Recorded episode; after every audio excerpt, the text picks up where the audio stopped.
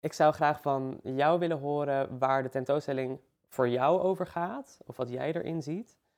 Ehm, en ik vroeg me af of je iets kan vertellen over uh, de manier waarop dat gecommuniceerd wordt via dat wat er gepresenteerd wordt. Dus op visuele wijze. Uh, hoe is dat vertaald? Ja, het zitten verschillende lagen, denk ik. De ene is natuurlijk, de, er is de, de gedachte door het collectief, uh, of de voorstelling dat de planten de baas zijn in deze wereld. Uh, en dat betekent dat je dus een situatie krijgt die een, zekere omkering van de wereld teweeg brengt, waar je de bomen beneden hebt op zijn kop en de wortels zeg maar gespiegeld uh, boven. Boven is het donker, beneden is het licht collectief komt voort uit de Extinction Rebellion beweging. Um, wat zou je in uh, een tentoonstellingsplek kunnen doen met die activistische impuls?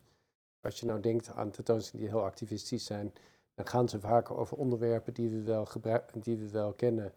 Uh, of dat nou met vluchtelingenproblematiek of met uh, landjepik te maken heeft of met duurzaamheid. En duurzaamheid zul je vaak eerder fotografie zien van grote olierampen of de, de zilvermijnen in uh, Zuid-Amerika of dat soort dingen. Hè? Dus vaak over uitbuiting en zo. Maar deze tentoonstelling, en dat is eigenlijk uh, denk ik wel een, in ieder geval een mooie uitnodiging van het collectief. Dat ze de bezoekers eigenlijk vraagt om een beetje te voelen wat die planten en bomen en struiken dan eigenlijk voelen, denken of werkelijk zijn in een omgeving, liever dan door een decor te wandelen wat mooi is en dan te vertrekken. Of dat lukt, is natuurlijk altijd de vraag. Maar ik vind voor de lichamelijke ervaring, die bij ons altijd heel belangrijk is, hè, maar streeft altijd naar lichamelijke ervaring, haast tegenover de museale ervaring, um, is het belangrijk om echt zelf te kunnen voelen en een beleving te hebben. En wat die beleving dan is, dat is aan de bezoeker. Ja, want wat ik heel interessant vind aan, de, aan deze tentoonstelling is dat het collectief heet de Sunflower Soup. En dat verwijst voor mij eigenlijk direct naar het schilderij van Van Gogh, zonnebloemen en de Heinz tomatensoep die er overheen is gegooid door activisten. Um, en zoals je al zei, normaliter als er, een, als er een tentoonstelling is met een activistische toon, dan heeft het vaak iets documentairs of het toont heel erg iets concreets aan. En wat ik heel interessant vind aan deze tentoonstelling is dat het een veel artistiekere benadering is, waarbij er misschien meer vragen worden opgeroepen of je wordt meer uitgenodigd om na te denken over um, hoe wij met planten omgaan, of hoe wij met planten om kunnen gaan, wat de rol van de mens is in deze wereld. Um, dan dat er echt vragen worden beantwoord. Dus eh, er wordt niet per se, naar mijn mening, iets heel concreets aangetoond. Maar het zet je wel heel erg tot denken. Zeker met alle, ook in de, in de film, met de, uh, de interviews met de wetenschappers. En, dus er wordt heel veel aangeboden die stof geeft tot nadenken. En ik heb volgens mij nog nooit eerder zo'n soort artistieke benadering gezien in de tentoonstelling met activistische ondertoon. En dat vind ik eigenlijk wel heel, ehm, heel bijzonder. En in hoeverre was het voor, voor jou of voor jullie, voor Mares, belangrijk om een tentoonstelling als deze, met een thematiek als deze, nu te tonen? Ja, je kunt eigenlijk niet bezig zijn in de hedendaagse kunst zonder hedendaagse kwesties aan te roeren. Uh, alleen zal ik nooit aan kunstenaars vragen: doe eens iets over, de, over het klimaat of over zoiets. Dus je moet eigenlijk erop vertrouwen dat als je kunstenaars vraagt waarin je vertrouwen hebt, dat die ook met materiaal zullen komen wat ons als niet-kunstenaars ook voortdurend bezighoudt. En dat gaat eigenlijk altijd. Het is, het is eigenlijk moeilijk. Ik bedoel, de, de, de, misschien dat mensen wel vaak denken over een tweedeling tussen kunst die zeg maar romantisch en autonoom is en kunst die politiek en activistisch is.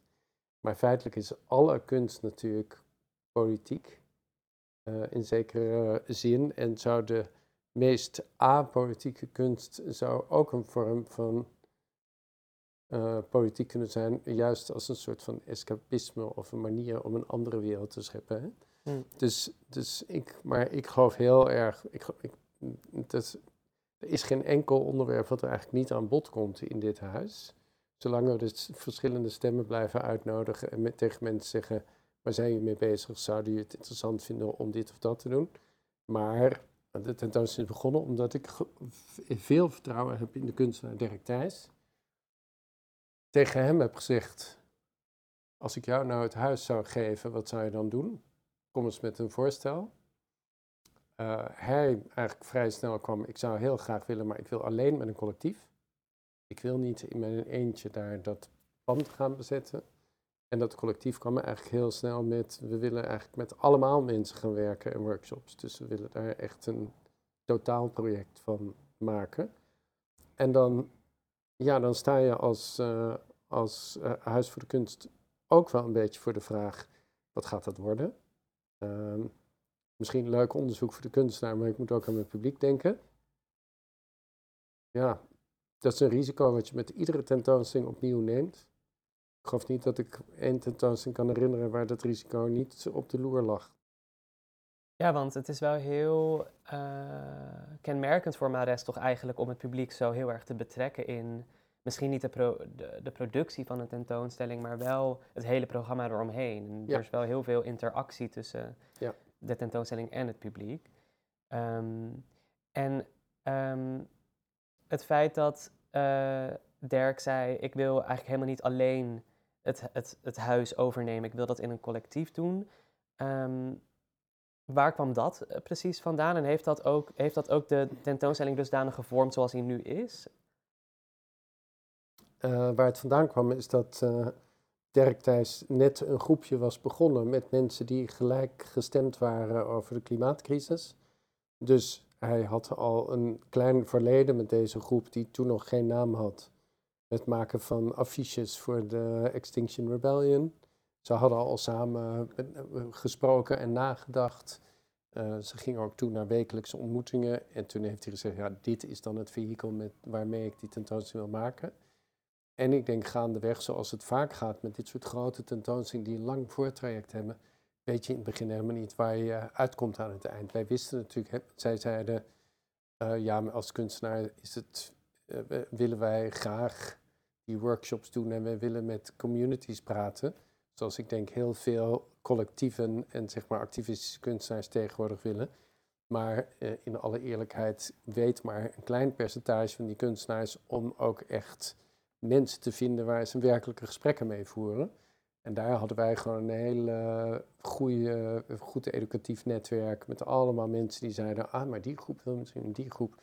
En dat is eigenlijk tot een, tot een succes geworden, ook omdat Mares daar denk ik een hele batterij groepen voor in de huisvis te halen, waarmee dat collectief echt ook aan de gang kwam. En dat was, wij hadden van tevoren niet kunnen voorspellen dat dat zo goed zou lopen. We hebben echt heel veel workshops gegeven op heel veel plaatsen. Mensen er ook zo enthousiast over waren.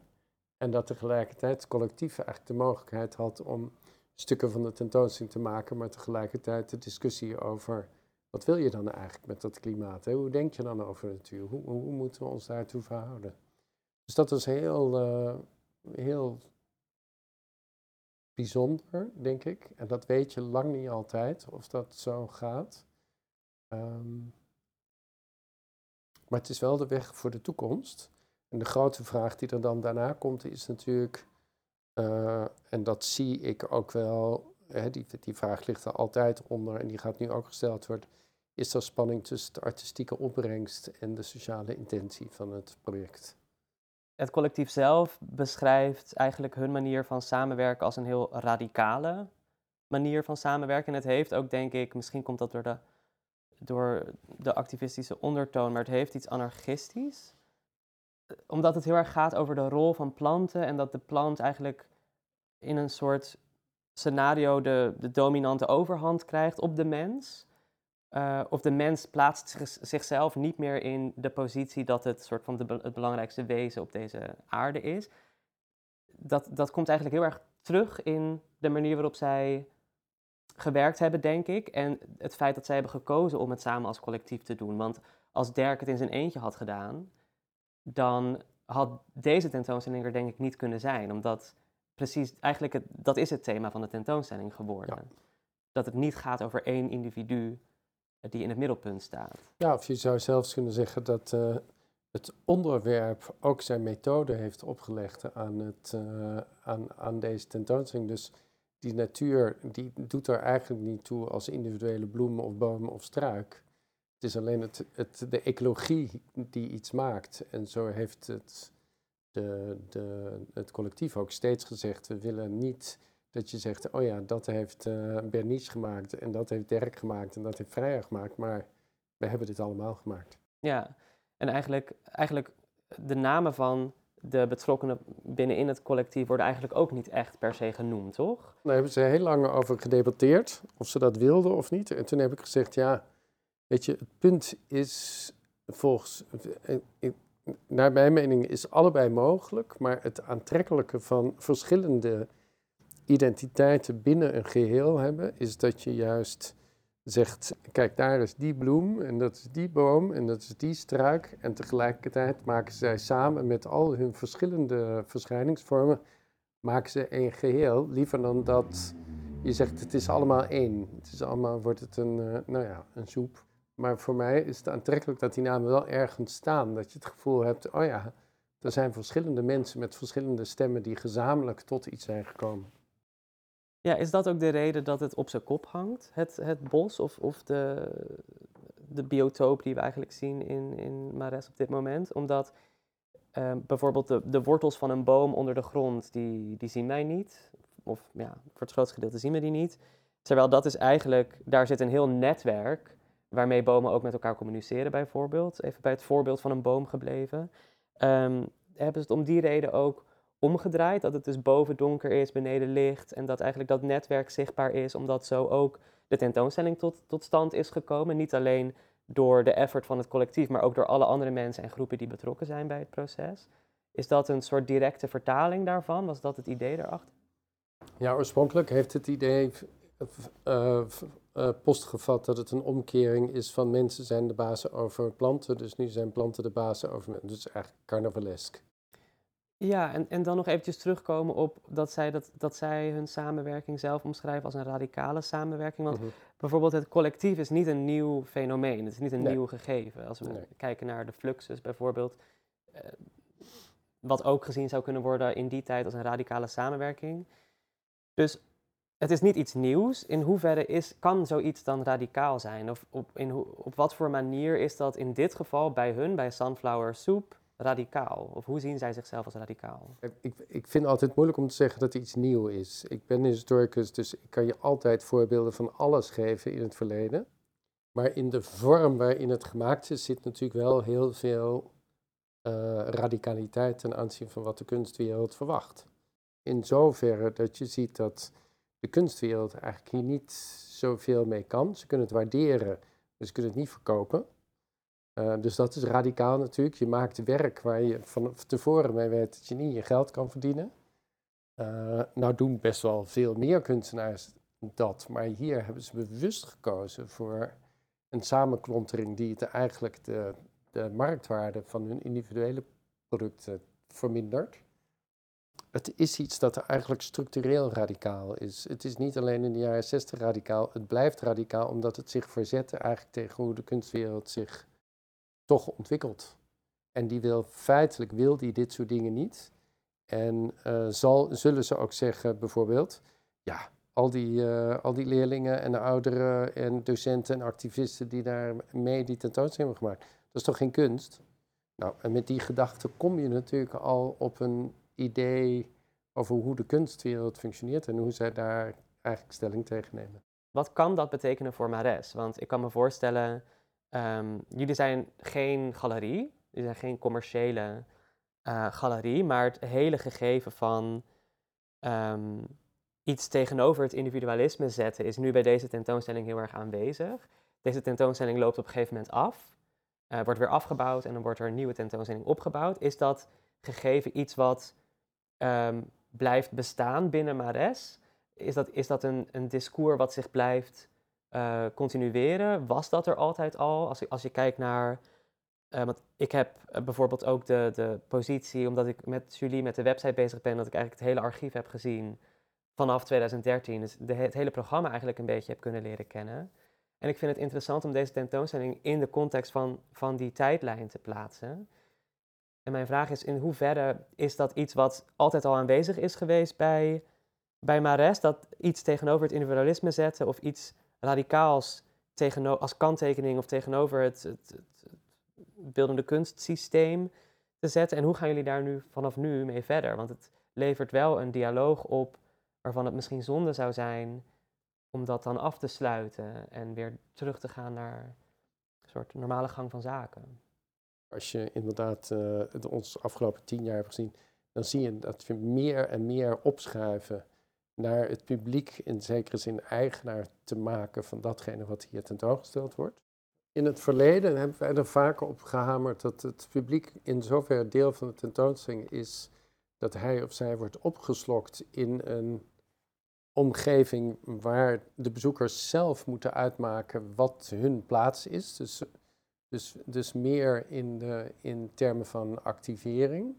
Dat is belangrijk van de bezoekers te activeren, omdat ik natuurlijk vanaf het begin dat ik hier directeur was, heb gezegd dat lichaam, dit moet terug het museum in.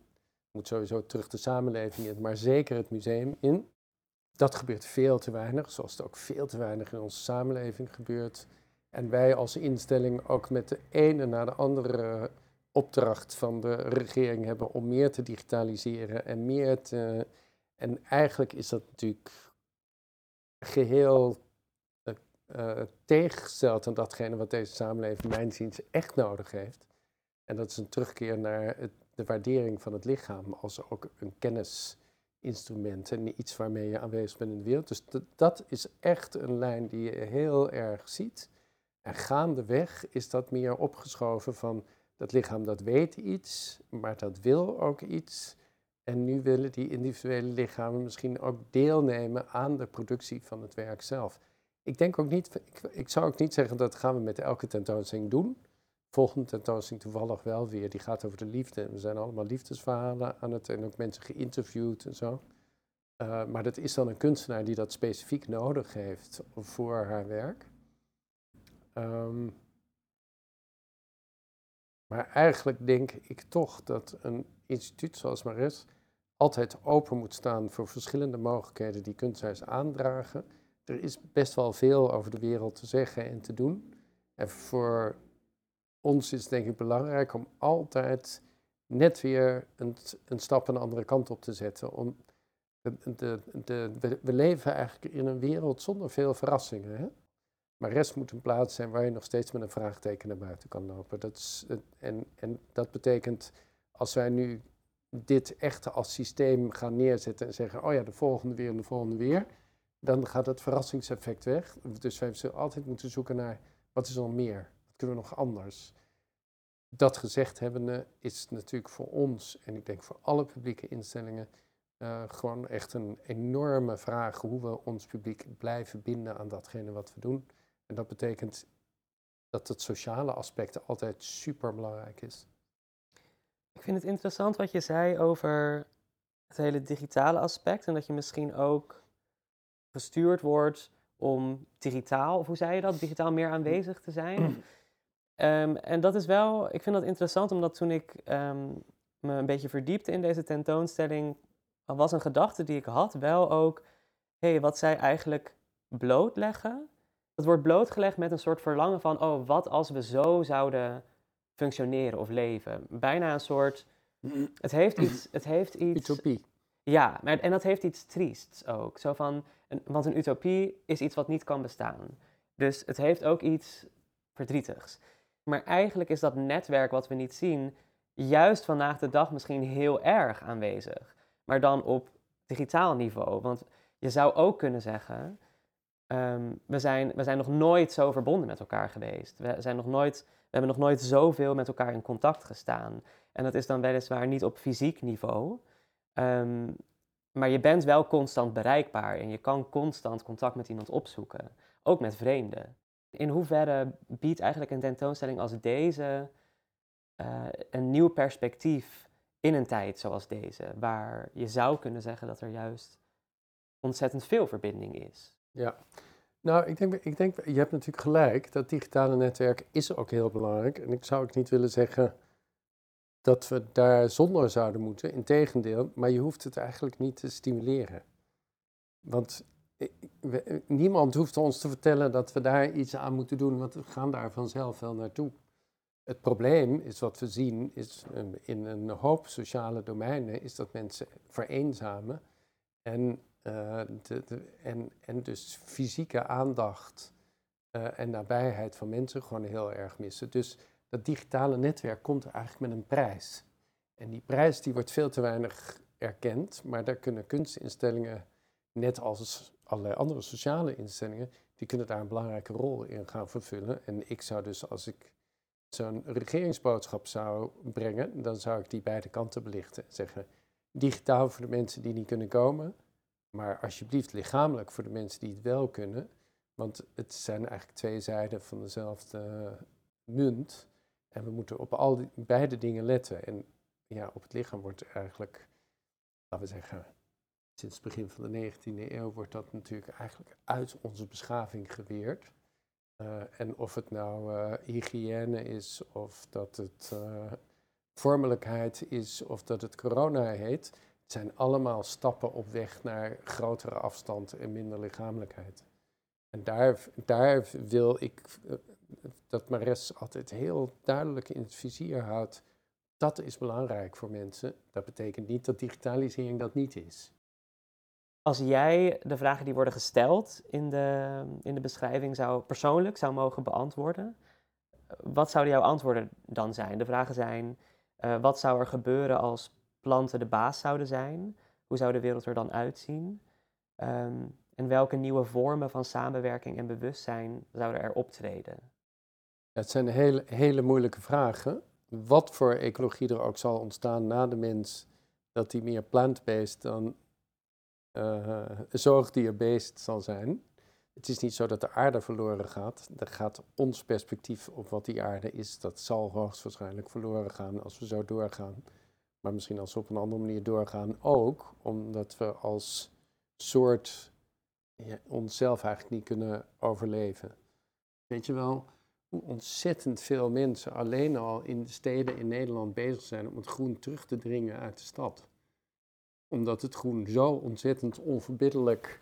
Hè, en dan heb je het niet alleen over het gras en de bomen en de struiken, maar ook de muizen, de ratten. De, overal op alle momenten van de dag wordt de stad belegerd door die natuur. Dus, het is, uh, dus ja, aan de ene kant heb je natuurlijk wel het verhaal dat uh, uh, wij met de uitlaatgassen en met gif ontzettend veel dingen kapot maken. Maar aan de andere kant heb ik ook wel weer het geloof dat op een gegeven moment de mensen daar dan zelf kapot aan gaan en dat het groen dan verder gaat.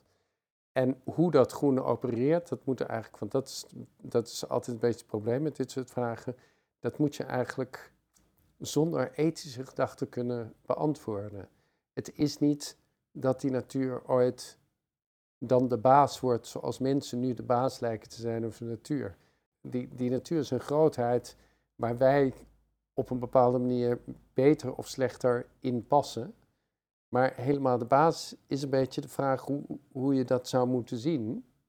Dat kan alleen maar een beperkt menselijk perspectief zijn, denk ik. En wat voor organisatievormen er dan zijn, die organisatievormen die zijn er natuurlijk allemaal al. En die zien we ook, en dat is natuurlijk ook best wel bestudeerd in de ecologie van oerbossen. Die is natuurlijk heel erg collectief. En, en, en je zou kunnen zeggen, als je nou heel erg uitzoomt, is dat bij mensen natuurlijk misschien ook wel zo. Want mensen doen helemaal niet zo heel veel dingen alleen. Ons voorstellingsvermogen is individualistisch. Maar de mens heeft alleen enig succes als collectief wezen.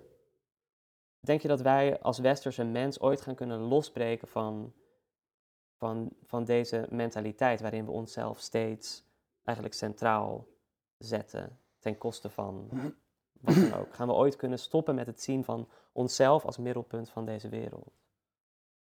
Ik vind het moeilijk te beantwoorden. Ik denk sowieso dat individualisme natuurlijk baat heeft bij welvaart.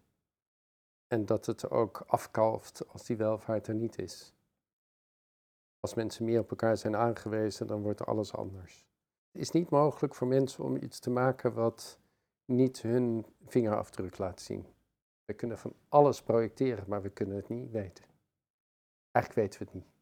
En zo is zo'n tentoonstelling over dit onderwerp en zelfs over invoeling van wat die plantenwereld zou doen, is onze interpretatie over wat daar is. En dat, ja, dat valt niet goed te voorkomen, tenzij we de planten zouden kunnen uitnodigen om zelf een tentoonstelling te maken. Maar ik weet niet hoe ik dat moet vragen. ja. Ja, je zou de tuin eigenlijk van, van Mares je zou de deuren open kunnen doen. En, en na, maar dat gaat een hele lange tijd duren, denk ik, voordat de tuin daadwerkelijk binnentreedt. Maar, maar ja. dat valt mee hoor. Ze komen hier te klimmen op. Die moeten we iedere keer uit het raam snijden. Ah, Dat, gaat heel snel. Gang. Ja. Ik vind het een interessant vraagstuk, wat we nu als laatste hebben besproken. Maar ik denk tot wat ik de mooiste conclusie eigenlijk vond, die ik trok uit, deze, uit dit, dit gesprek, is denk ik dat we eigenlijk helemaal niet zoveel verschillen van planten en van de manier waarop ze uh, samen werken en samen moeten werken. Omdat wat jij zei, als welvaart uh, vermindert of zelfs helemaal ge geëlimineerd wordt, geld geen rol meer speelt, dan zijn we weer op elkaar toegewezen. Dus dan moeten, hebben we elkaar weer nodig eigenlijk om te functioneren. Um, en dat vind ik eigenlijk een mooie conclusie die voor mij, ondanks dat je graag wilt dat het publiek naar buiten loopt met nog steeds heel veel vragen, uh, is dat voor mij wel een heel mooie conclusie om mee te nemen? Ja, ik denk ook, uh, uh, misschien om het, om het niet zo stevig als een conclusie te noemen, een utopie is natuurlijk altijd, legt hij ons iets voor wat een wereld die misschien niet kan bestaan, maar waar je wel alle vragen over stelt, waarom kan die niet bestaan? En hoe verschilt die van degene waar je woont en welke dingen daarvan zou je echt heel fijn vinden als ze toch op een of andere manier gerealiseerd zouden worden. En ik hoop dus dat dit soort tentoonstellingen altijd wel een soort streven weergeven, of een soort van hoop, of een soort van gedachte. En die gedachte en die hoop, dat is ook een vraag waarmee je naar buiten loopt. Zou het kunnen dat? Is het mogelijk om die wereld anders te zien? Is het mogelijk om ons anders te gedragen in die wereld?